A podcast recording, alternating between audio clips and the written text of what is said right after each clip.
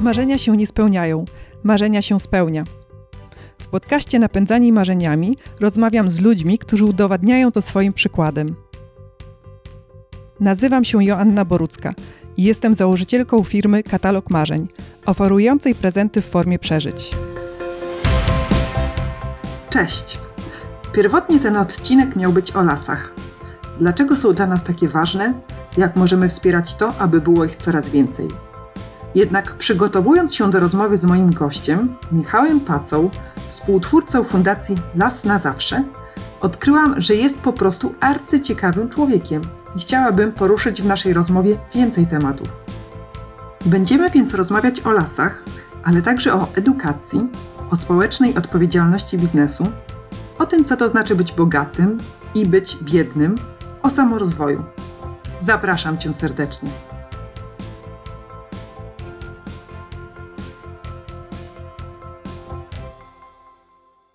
Michał, bardzo się cieszę, że przyjąłeś zaproszenie do podcastu Napędzani Marzeniami.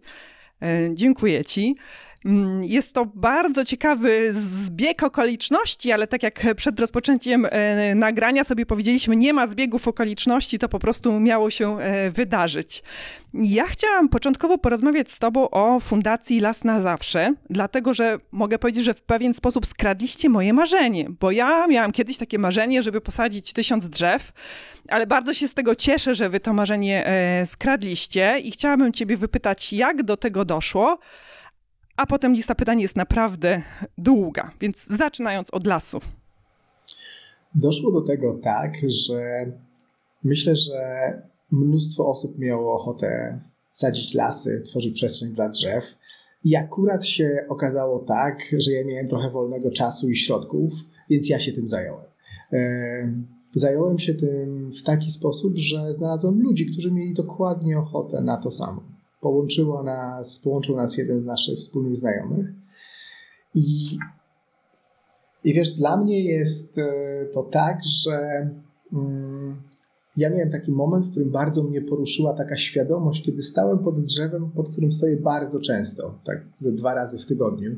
Ja się patrzyłem na to drzewo i sobie uświadomiłem, że e, a obok stał Jaś, mój 12-letni syn i uświadomiłem sobie, że pod tym drzewem za lat 70 Jaś będzie mógł stać ze swoimi prawnukami. I ja miałem, wiesz, ja tak nie... Ja jakieś czuję głębokie wzruszenie, jakąś taką niesamowitą energię do robienia rzeczy, jak, jak mam myśl, że coś, co robię, ma znaczenie dla moich praprawnuków, dla tego pokolenia, którego ja nigdy nie spotkam. E, no i wtedy właśnie poczułem tą energię do tego, że żeby sadzić lasy, to sadzenie lasów to jest trochę uproszczenie tego, co my robimy. Wiesz, natomiast jak mówisz e, nazwa podcastu Napędzani Marzeniami, to, to ja się czuję jakby to był mój podcast, bo ja od któregoś momentu w życiu, jak e, odpuściłem sobie udowadnianie innym, kim jestem, albo że jestem lepszy niż moi rówieśnicy ze zgiechu i tak dalej, e, i dałem się ponieść marzeniom, to ja po prostu jestem szczęśliwszy. Robię więcej rzeczy, które mają znaczenie dla mnie, które mam ochotę robić. Więc marzenia są dla mnie taką, takim nieodłącznym elementem codzienności. Mhm.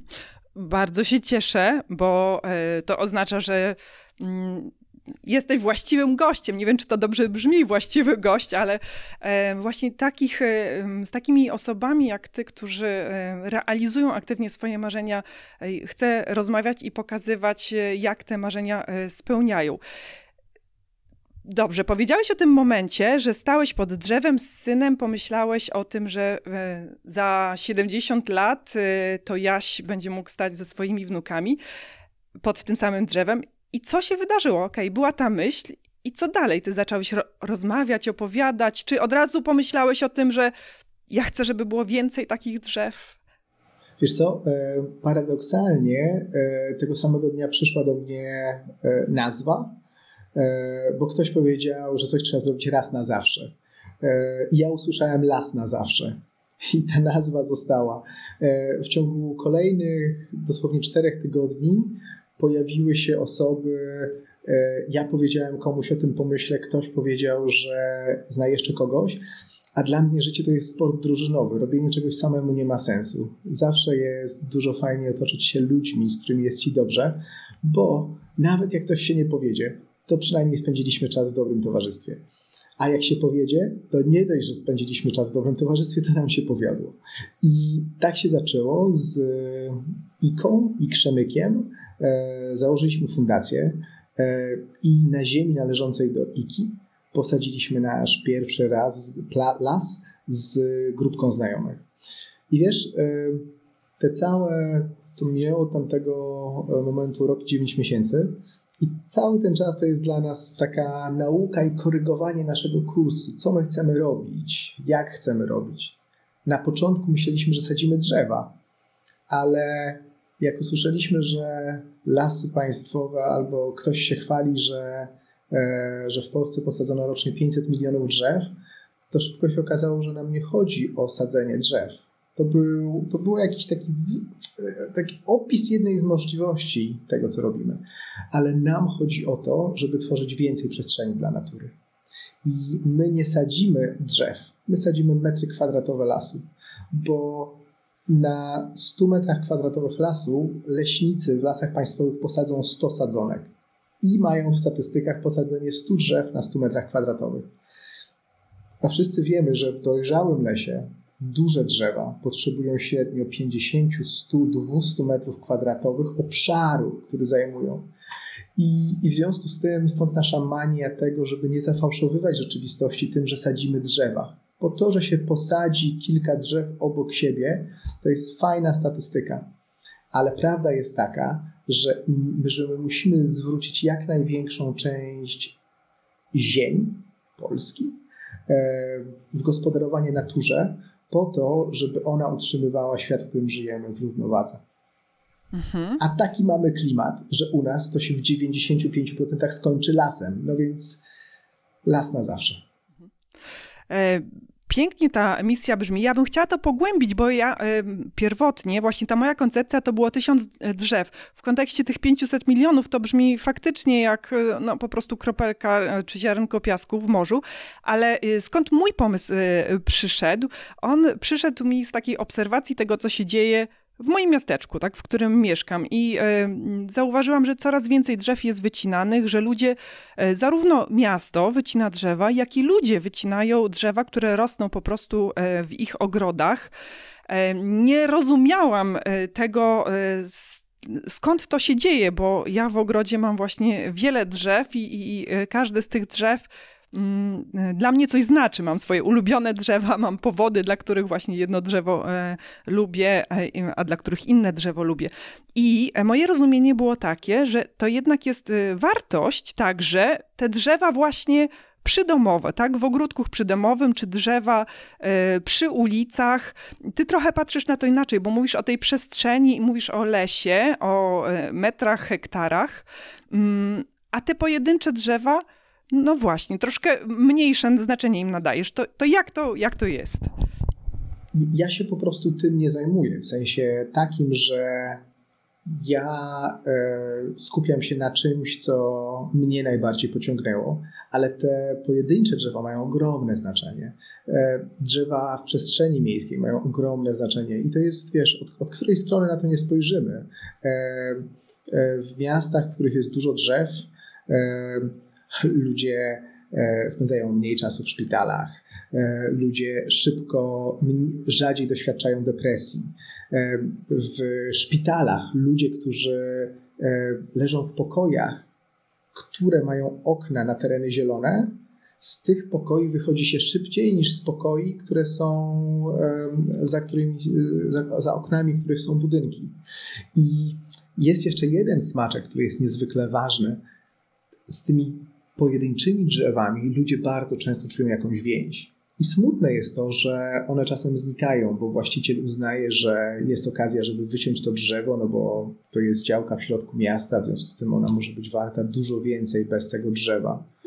I to nasze szukanie równowagi nas, ludzi, między tym, ile zostawiamy miejsca przyrodzie, a ile, a ile zabieramy do naszego użytkowania, bardzo często jak zejdzie na poziom indywidualnej decyzji człowieka, który ma działkę, która z drzewem jest warta 500, ale bez tego drzewa będzie warta 1500, to niestety wtedy ta brutalna ekonomia ścina pojedyncze drzewa, które bardzo często są piękne, które są symbolami jakiegoś krajobrazu lokalnego, miejskiego. Tak, ten przykład, który podałeś, e, myślę, że no, on jest na pewno bardzo prawdziwy i, i smutny, 500, 1500 z drzewem bez drzewa, mnie jeszcze bardziej zasmuca to, e, kiedy ludzie, którzy mm, w sytuacji, kiedy to nie wpłynie na wartość działki, ale drzewo duże y, gubiliście, w związku z czym trzeba je grabić, prawda? To robi bałagan. Takie sytuacje mnie no, zasmucają, tak mówiąc wprost i i co tu zrobić, żeby ich nie było. Ale mm, pewnym remedium jest, już nie chcę ciągnąć tego wątku dalej, myślę, że tutaj mamy e, wspólne podejście. Wracając do lasu na zawsze, jak można pomóc Wam współtworzyć ten projekt? Gdybym chciała się przyczynić do, do tego, żeby powstały dodatkowe metry, hektary lasu. Jasne, na bardzo różne sposoby i to zależy od tego, co masz e, ochotę zrobić, bo e, te lasy są na zawsze, bo my tą ziemię kupujemy. Więc pierwszy element jest taki, że można nas wspierać po prostu wysyłając nam pieniądze. I e, posadzenie jednego hektara lasu z nami to jest koszt 35 tysięcy złotych. Jeżeli dostajemy pieniądze od darczyńców indywidualnych, to wszystkie te pieniądze my wydajemy na sadzenie lasów, na sadzonki, na kupno ziemi, na samą akcję związaną z sadzeniem. Natomiast e, jeżeli pracujemy z firmami, to firmy płacą więcej. Firmy płacą w zależności od modelu albo 40 tysięcy złotych za hektar, albo 50 tysięcy złotych za hektar i firmy de facto finansują działalność administracyjną fundacji. To, że mamy w tej chwili czteroosobowy zespół, który fundacja utrzymuje, to jest właśnie dzięki działaniom CSR-owym firm ale dzięki temu my mamy zdolność tego, żeby posadzić 50-60 e, lasów rocznie. Więc za chwilę będziemy w takim momencie, że będziemy gotowi na to, żeby spływało do nas więcej pieniędzy niż spływa dzisiaj od e, osób indywidualnych, bo my będziemy te lasy po prostu w stanie sadzić. No i druga rzecz jest taka, że my bardzo lubimy, jak ludzie przyjeżdżają do nas na sadzenie. E, I w tej chwili Myślę, że będziemy mieli dwa sadzenia otwarte wiosną.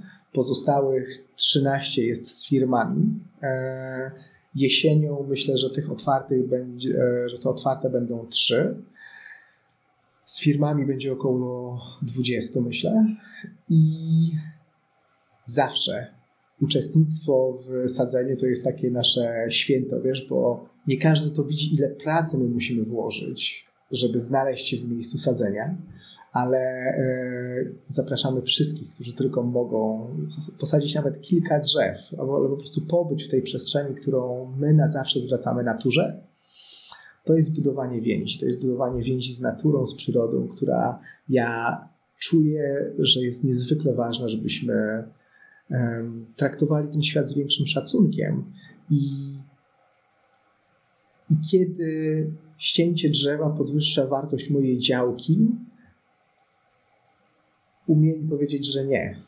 Umieli powiedzieć, że nie, to drzewo tutaj zostanie, bo on tutaj było, kiedy ja tu przyszedłem, więc, więc ja je zostawię. Więc ten element budowania więzi, świętowania jest dla nas deserem wiosenno-jesiennym. A czy terminy właśnie tych nasadzeń są udostępnione? Chodzi mi o to, jak można do Was tak, dołączyć tak, tak konkretnie. Tak, na Instagramie Las na Zawsze, e, który właśnie rusza i na Facebooku, który jest e, już nieźle prowadzony.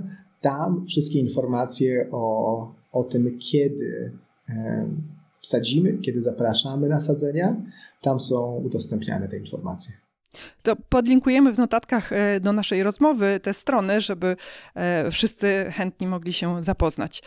Michał, rozmawiam z Tobą jako z osobą, która współtworzy fundację. Jest to działalność e, społeczna, ale tak naprawdę, w sumie nie wiem, czy mogę powiedzieć tak naprawdę, no, pierwotnie, początkowo, to ty jesteś przedsiębiorcą, ekonomistą, absolwentem szkoły głównej handlowej, uczelni, która kształci przyszłych finansistów, e, menedżerów, dyrektorów, członków zarządu, przedsiębiorców właśnie.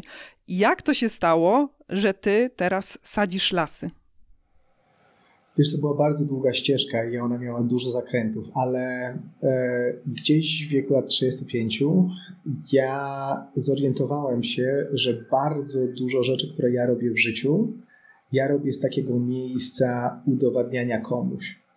E, I chęci posiadania jak naj, bycia jak najbogatszym. I, I mi było ciężko, wiesz? Mi było ciężko. Ja się czułem tak, jakbym pchał to życie przed sobą. E, ale miałem niezwykłe szczęście w życiu, bo w ramach tych rzeczy, które ja robiłem, były rzeczy, które mi dawały niezwykłą satysfakcję. I ja zacząłem, ja zacząłem się dobrze zastanawiać nad tym, co łączy te wszystkie rzeczy, które dają mi niezwykłą satysfakcję.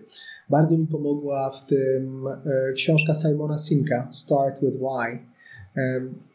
To był jeden z takich elementów, który naprowadzał mnie na to, co jest dla mnie bardzo ważne. I dwa i pół roku temu ja, ja po prostu postanowiłem, że nie będę się więcej angażował w rzeczy, które nie są zgodne z tym, co jest dla mnie życiowo naprawdę ważne.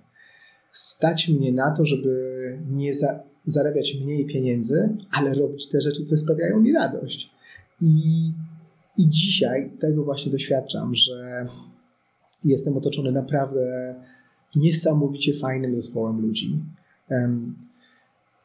Nawzajem się bardzo wspieramy i jednocześnie widzę, że te przedsięwzięcia biznesowe, w które byliśmy zaangażowani, e, jakoś wychodzą lepiej niż wtedy, kiedy ja tak strasznie to wszystko pchałem. Więc ja doświadczam takiej niezwykłej lekkości życia z tym, że ja jestem skoncentrowany na tym, żeby angażować się tylko w rzeczy, które są zgodne z tym, co, na co mi naprawdę zależy. A to, co ja znalazłem w jakiś absurdalny sposób, nie absurdalny, tylko to, co ja znalazłem jako ta rzecz, która łączy wszystkie moje rzeczy, które sprawiają mi niezwykłą radość, to jest właśnie to, że jak ja mam poczucie, że moje praprawnuki, to pokolenie, które ja nigdy nie spotkam, że to dla nich jest ważne, to ja po prostu od razu mam plus 100 punktów do energii i ja, i się, ja się rwę do tego. Ja się rwę do tego, żeby zacząć coś robić wokół tego tematu. Czyli to jest właśnie to twoje dlaczego.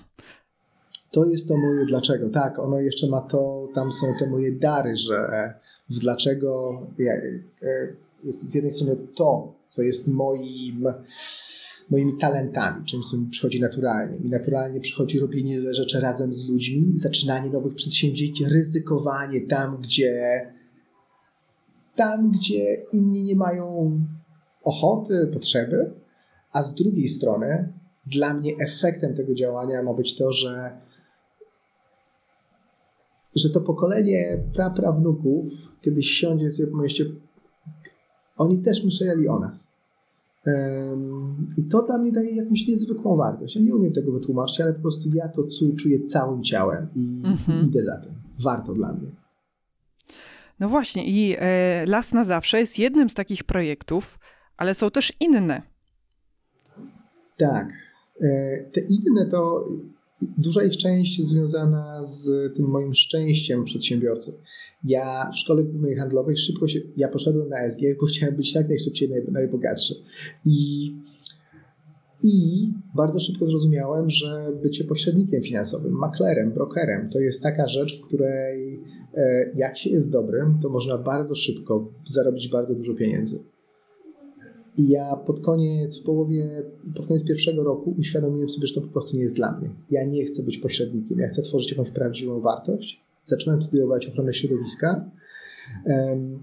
Mój ojciec współprowadził firmę zajmującą się oczyszczaniem ścieków. Ja do niego dołączyłem i zacząłem, i zacząłem swoją misję sprzątania po nas. Dzisiaj, dzisiaj zajmujemy się przede wszystkim recyklingiem organicznym, czyli Czyli zajmujemy się odpadami, z których można zrobić nawozy, bo dla mnie to jest najczystsza forma recyklingu, w której widzę największą wartość. My mamy problem globalny związany z tym, że wyjaławiamy Ziemię na tej planecie, nawożąc ją chemicznie. I to jest powszechna praktyka. Co roku wyjaławiamy obszar wielkości Polski, więc my musimy dzisiaj intensywnie myśleć, w jaki sposób możemy zwracać do gleby warstwę próchniczą. I duża część mojej działalności jest związana właśnie z firmą Ziemia Polska, w której robimy nawóz, środki poprawiające właściwości gleby, które wykorzystują rolnicy, albo z działalnością firmy bioodpady.pl, która zbiera odpady spożywcze i kuchenne i też e, robi z nimi różne rzeczy tak, żeby one mogły trafić z powrotem do wykorzystania rolniczego. Mhm. Taki rodzaj, czasem to jest fermentacja, czasem to jest kompostowanie, ale to są te główne obszary, w które ja jestem zaangażowany. Biznesowo. To są Właśnie, biznesowo. A jeszcze poza biznesowo, e, na Twojej stronie e, michalpaca.pl e, jest informacja o tych trzech obszarach, które są dla Ciebie istotne. To jest ekologia, społeczeństwo i. Edukacja. Edukacja, właśnie. Edukacja, tak. Tam w edukacji jest też taka rzecz, która mnie strasznie dużo radości mi daje. To jest program School of Life. Ja miałem ogromną frustrację związaną z edukacją. Jak spojrzałem na to, jak bardzo mnie w życiu spowolnił ten system edukacji, w którym funkcjonowaliśmy razem, to założyłem fundację, którą nazwałem Rzucam Szkołę. I fundacja Rzucam Szkołę była takim krzykiem nie, że coś tutaj nie działa, musimy coś zmienić, ale bez pomysłu jak to zmieniać.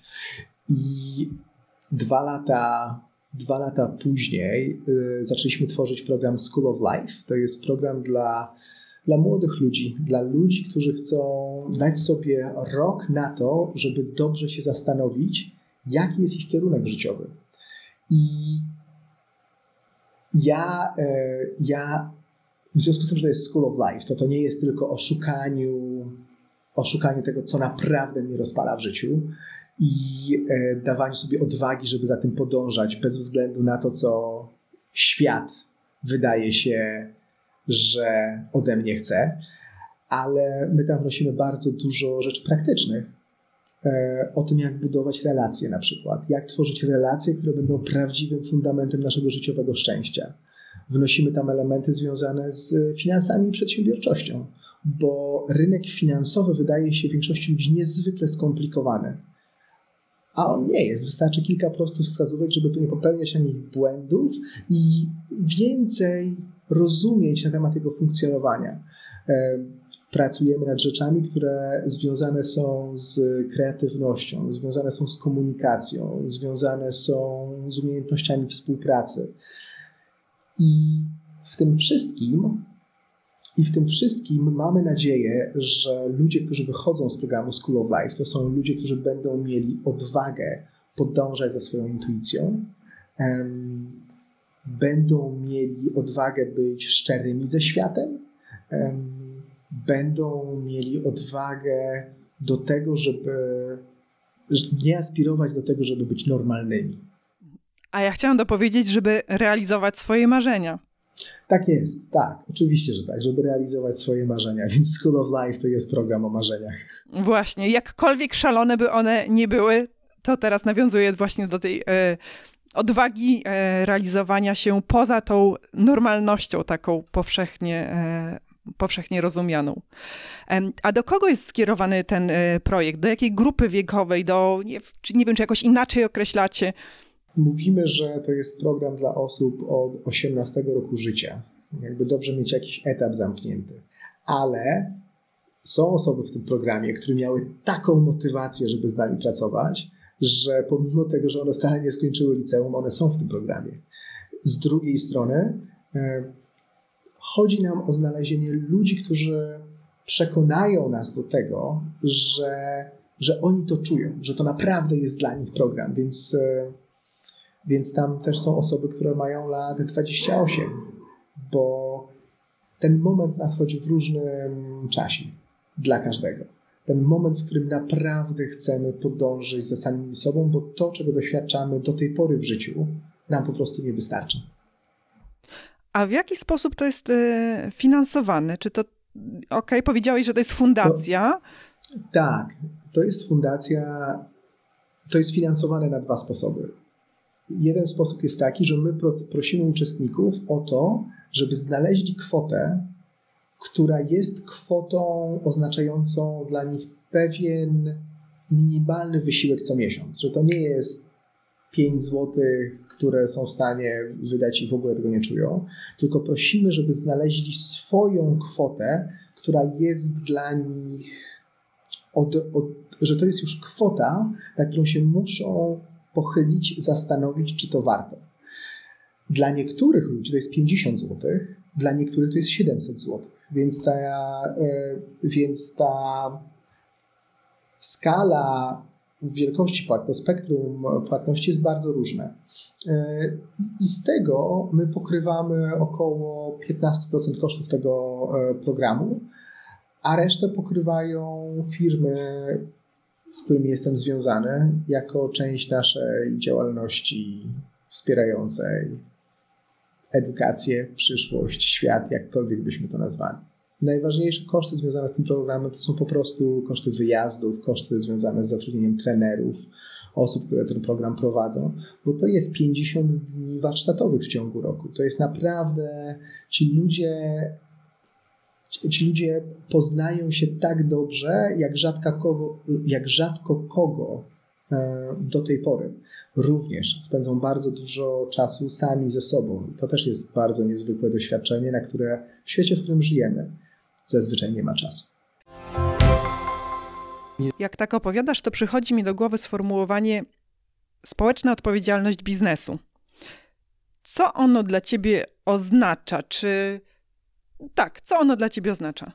Dla mnie to jest fajny, fajny koncept, który próbuje nas, próbuje biznes, korporacje wyrwać z miejsca odpowiedzialności jedynie z perspektywy zysku jakby ogromnym, smutnym rozdźwiękiem tego świata, w którym żyjemy, dla mnie jest to, że, że wymyślimy, wymyśliliśmy genialny koncept pod tytułem spółki, korporacje, gdzie możemy się zrzucać drobnymi kwotami po to, żeby te organizacje robiły wielkie rzeczy.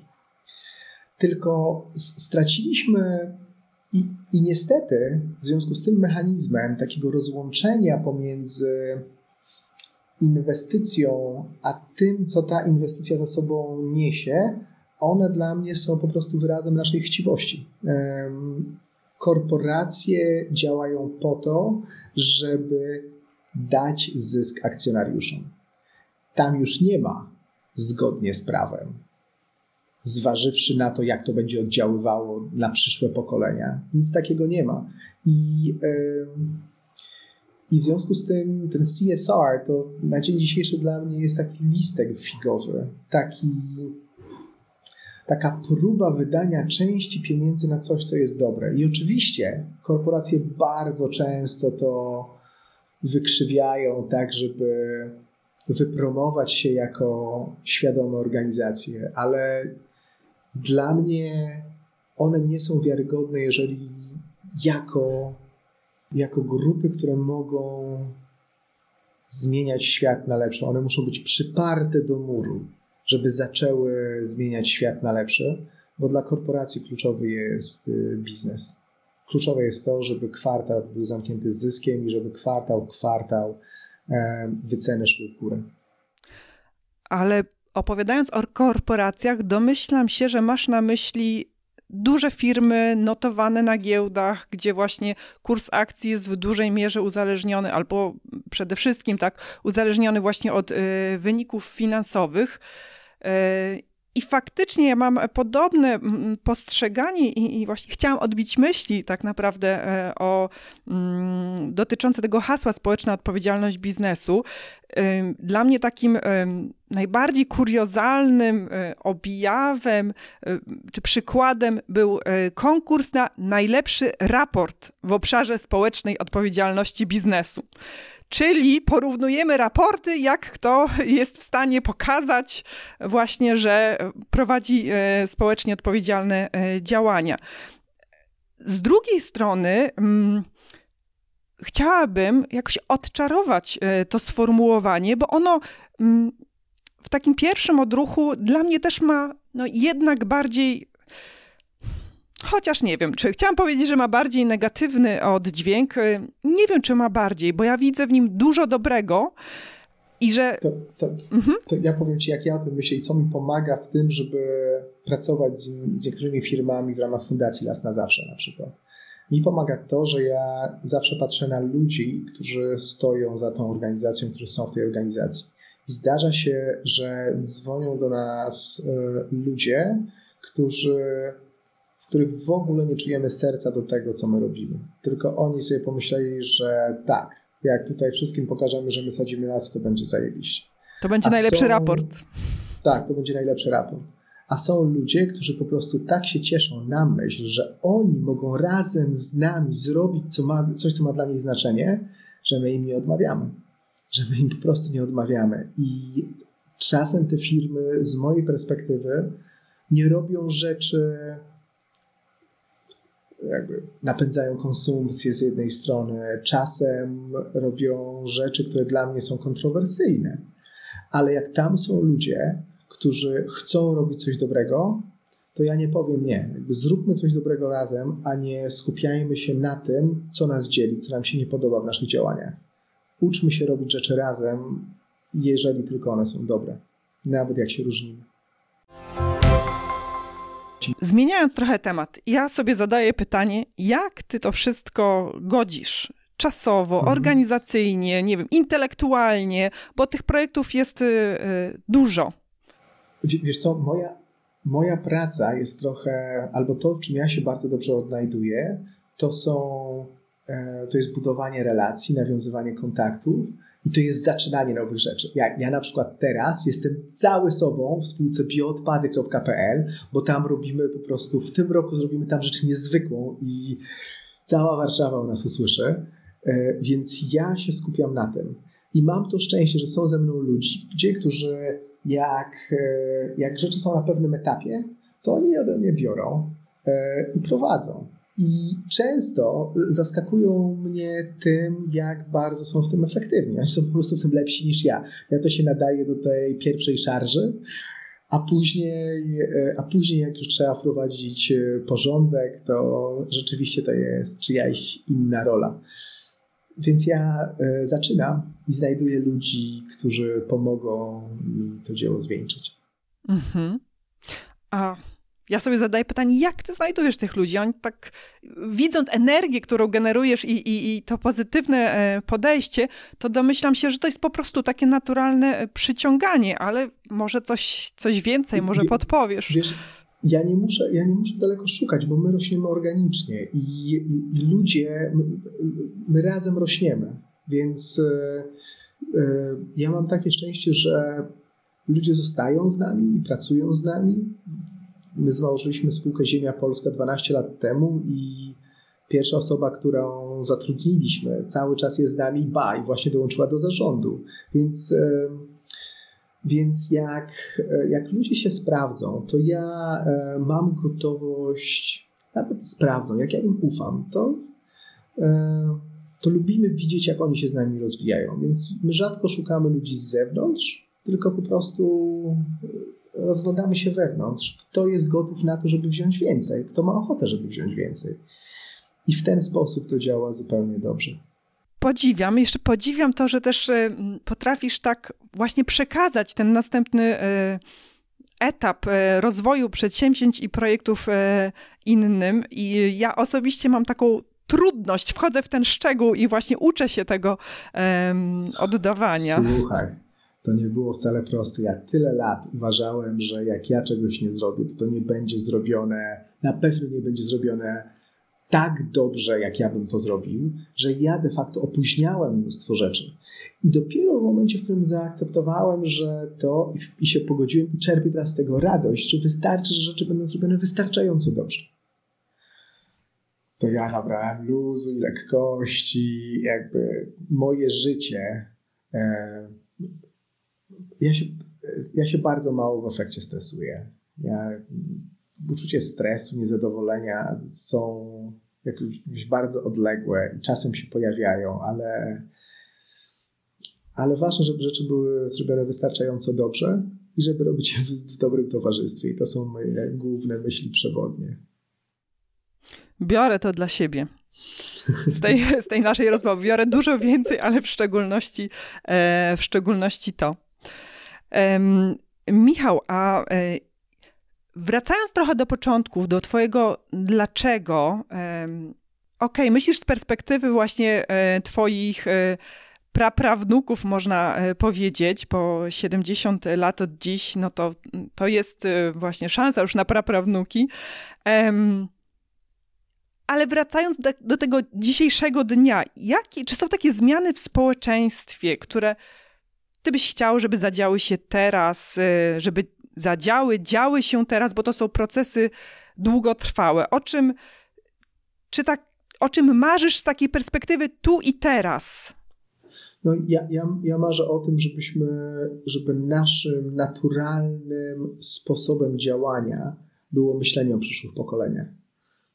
Ja nie wiem, jak to zrobić. Ja po prostu staram się wnosić jak najwięcej tego do mojego życia, ale to jest moje marzenie. To, żebyśmy myśleli z perspektywy, z perspektywy jak, najszer, jak najszerszej o, o tej planecie, o której żyjemy, o, o, o, wszystkich ludziach, którzy tutaj się pojawią. Nie, nie, nie o naszych sąsiadach, tylko, tylko żebyśmy starali się brać pod uwagę e, to, jaki my mamy wpływ na całą planetę, na cały ten ekosystem, który współtworzymy, a jednocześnie, żebyśmy z pełną mocą, jasnością, zaangażowaniem działali na takim poziomie, do jakiego jesteśmy powołani. Jakby ja działam lokalnie, ja działam tutaj. Ja sobie nie wyobrażam tego, że e, wierzę w to, że ja urodziłem się nad Wisłą po to, żeby tutaj zmieniać świat, a nie po to, żeby jechać tam, gdzie to jest łatwiejsze, gdzie wydaje się, że tam jest lepiej, że jest więcej ludzi, którzy myślą tak samo jak ja.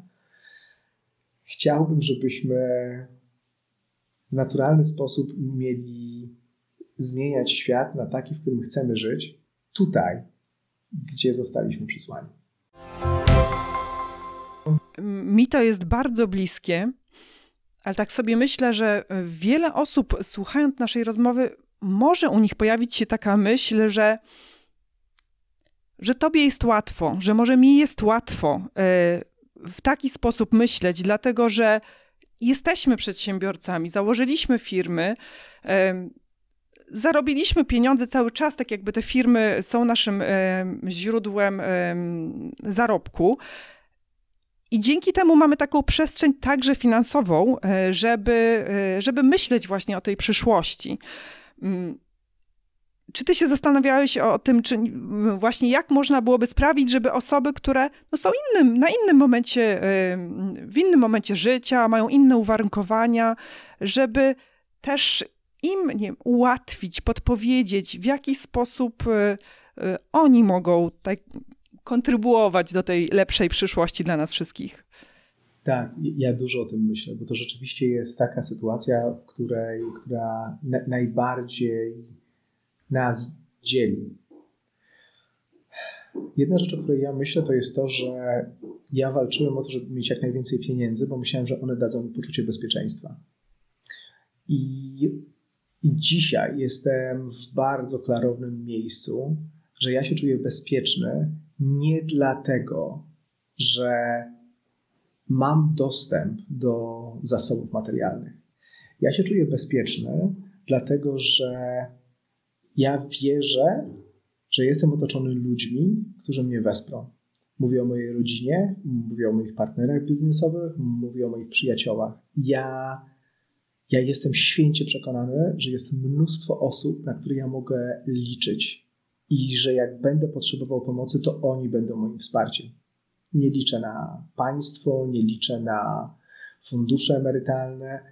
Ja wierzę, że moim największym kapitałem jest to, ile ja mam osób, na które mogę liczyć. I to jest jeden aspekt tego. A drugi aspekt to jest wiara w samego siebie. To jest poczucie, że ja jestem w stanie dać sobie radę, niezależnie od tego, jak duże wyzwanie staje przede mną. I te dwie rzeczy sprawiają, że ja żyję tak, że wszystkie moje nadwyżki finansowe, że wszystkie moje nadwyżki finansowe kieruję w stronę fundacji. I podejrzewam, że na koniec miesiąca ja mam, albo inaczej, w którymś momencie to sprawdzałem, mam mniej na koncie niż 60% e, społeczeństwa. Ja mam tą świadomość, że do mnie pieniądze przychodzą, że mam karty kredytowe, że mogę się zadłużyć, jeżeli jest krótkoterminowa potrzeba i tak dalej, ale, um, um, ale mam ten komfort, że przede wszystkim wierzę w samego siebie i w ludzi, którzy mnie otaczają. I to jest fundament mojego bezpieczeństwa. Jak mam to, to mogę zredefiniować swoją relację z pieniędzmi. Bo wiesz, bo też e, to też jest element School of Life. E, my tam poświęcamy dużo czasu na zdefiniowanie słowa bogaty, biedny.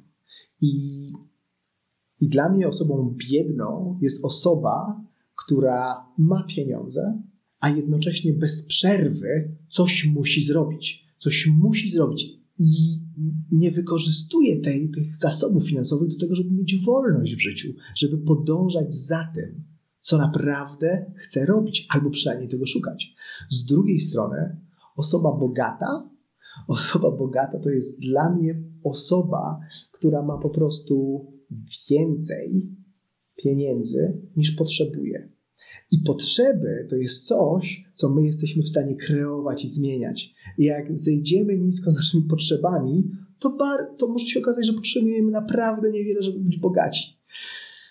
Z ostatniego School of Life e, wyszło nam to, że ktoś chyba będzie robił taki kurs otwarty na temat zdrowej relacji z pieniędzmi e, i być może wypuścimy coś takiego jako materiał do tego, żeby ludzie mogli sobie szerzej pomyśleć, a nie musieli brać udziału w całym programie School of Life, żeby doświadczyć tej perspektywy. Michał, czy ty do tego wszystkiego, o czym opowiadasz, doszedłeś sam, czy z jakim wsparciem? Chodzi mi o to, że mówisz nie. No. jak osoba bardzo doświadczona życiowa, którą niewątpliwie e, jesteś, ale mam na myśli, że ta dojrzałość, e, którą słyszę mm, w tym, o czym opowiadasz, to jest coś, czego bym, no nie wiem, od 60-70-latka się spodziewała. Taki, um, Słuchaj, no właśnie. Jest, jest tak tylko dlatego, że nie znasz mojej żony. Ja mam cudowną partnerkę życiową. E, Aga, ale nie ma 60 się... czy 70 lat. Nie, nie, nie, nie. ma, nie ma. Aga w pewnym sensie e, Aga zajmuje się porozumieniem bez przemocy. To jest taka metoda komunikacji, w której opieramy się na szczerości i na empatii.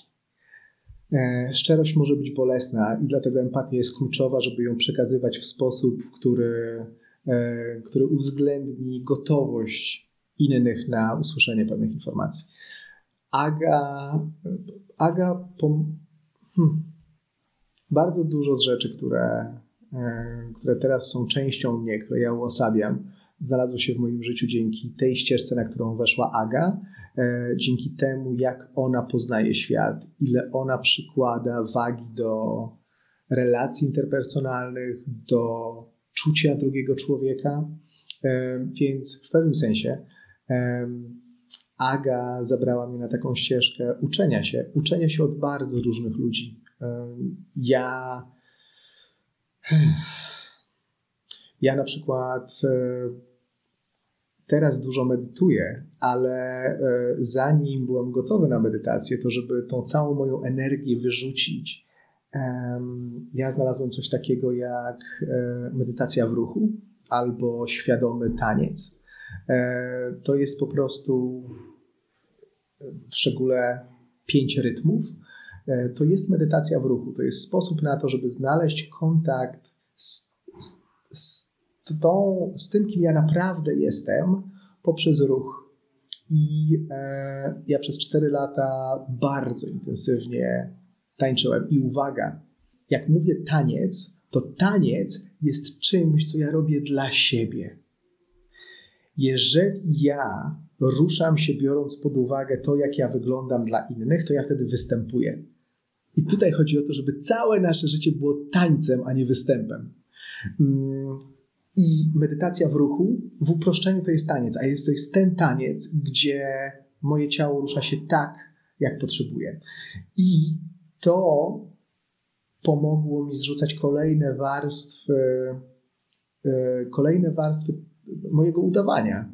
E, udawania, jaki ja jestem pozwoliło dzielić się z ludźmi moimi słabościami, tak, żeby de facto mi było łatwiej. Mm, więc tak, więc to jest dla mnie fascynująca podróż w głąb mnie, e, gdzie moja ścieżka e, to jest miks porozumienia bez przemocy, e, pięciu rytmów, medytacji w diadach i, i czytania albo uczenia się od, od ludzi, do których mnie ciągnie. Wiesz? Ja kiedyś miałem taką listę wybitnych E, motywatorów, z których chciałbym spotkać i tak dalej. A teraz mam tak, że nie spieszy mi się. Czytam książki, które, do których czuję jakiś pociąg, z wiarą, że znajdę tam coś, co dzisiaj jest dla mnie ważne i co pomoże mi zrobić kolejny krok do tego, żeby być naprawdę autentycznym.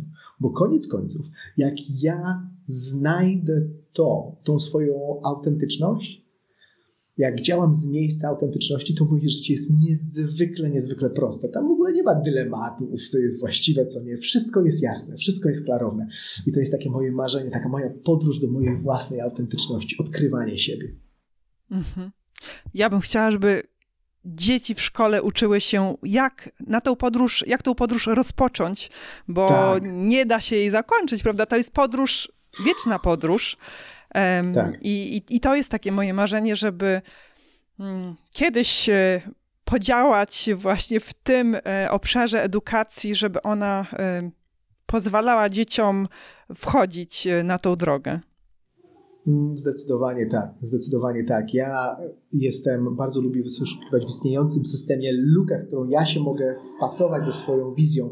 I niestety jest tak, że tym momentem, który się wydaje dobry, jest ten moment, kiedy dzieciaki wchodzą w dorosłość, e, moment, w którym oni e, kończą szkołę, ale im wcześniej my będziemy zaczynali, tym ja mam głęboką wiarę, że tym lepszy zostawimy świat przyszłym pokoleniom. To z tym przesłaniem, żebyśmy działali tak, żeby zostawić świat lepszy przyszłym pokoleniom, chciałabym zostawić naszych słuchaczy i widzów. Dziękuję Ci serdecznie za tą rozmowę. Mm, jestem pod wrażeniem w ogóle liczby tematów, które e, poruszyliśmy. Tak jak mówiłam, podlinkujemy e, Twoje media, Twoją stronę Las na Zawsze w notatkach, żeby słuchacze mogli się zapoznać z nimi. I tak. ja sobie tak życzę, żebyśmy pozostali w kontakcie. Bardzo chętnie. Bardzo dziękuję, że mnie znalazłaś i że mogliśmy się w ten sposób spotkać. Michał, dzięki wielkie i do usłyszenia. Dziękuję, do usłyszenia. Zapraszając moich gości, wiem, że są bardzo ciekawymi ludźmi, ale każda rozmowa na nowo mnie zadziwia, w bardzo pozytywnym sensie tego słowa. Energia, która bije od Michała, sprawia, że mi się jeszcze bardziej chce robić różne nowe rzeczy, że widzę nowe sposoby, jak i ja mogę zadbać o pokolenie moich praprawnuków. Jeśli ta rozmowa była dla Ciebie ciekawa, daj mi o tym znać. Napisz do mnie poprzez stronę Napędzani Marzeniami albo w mediach społecznościowych. To dla mnie ogromnie ważne, bo potwierdza, że to, co robią, ma znaczenie. Do usłyszenia w kolejnym odcinku.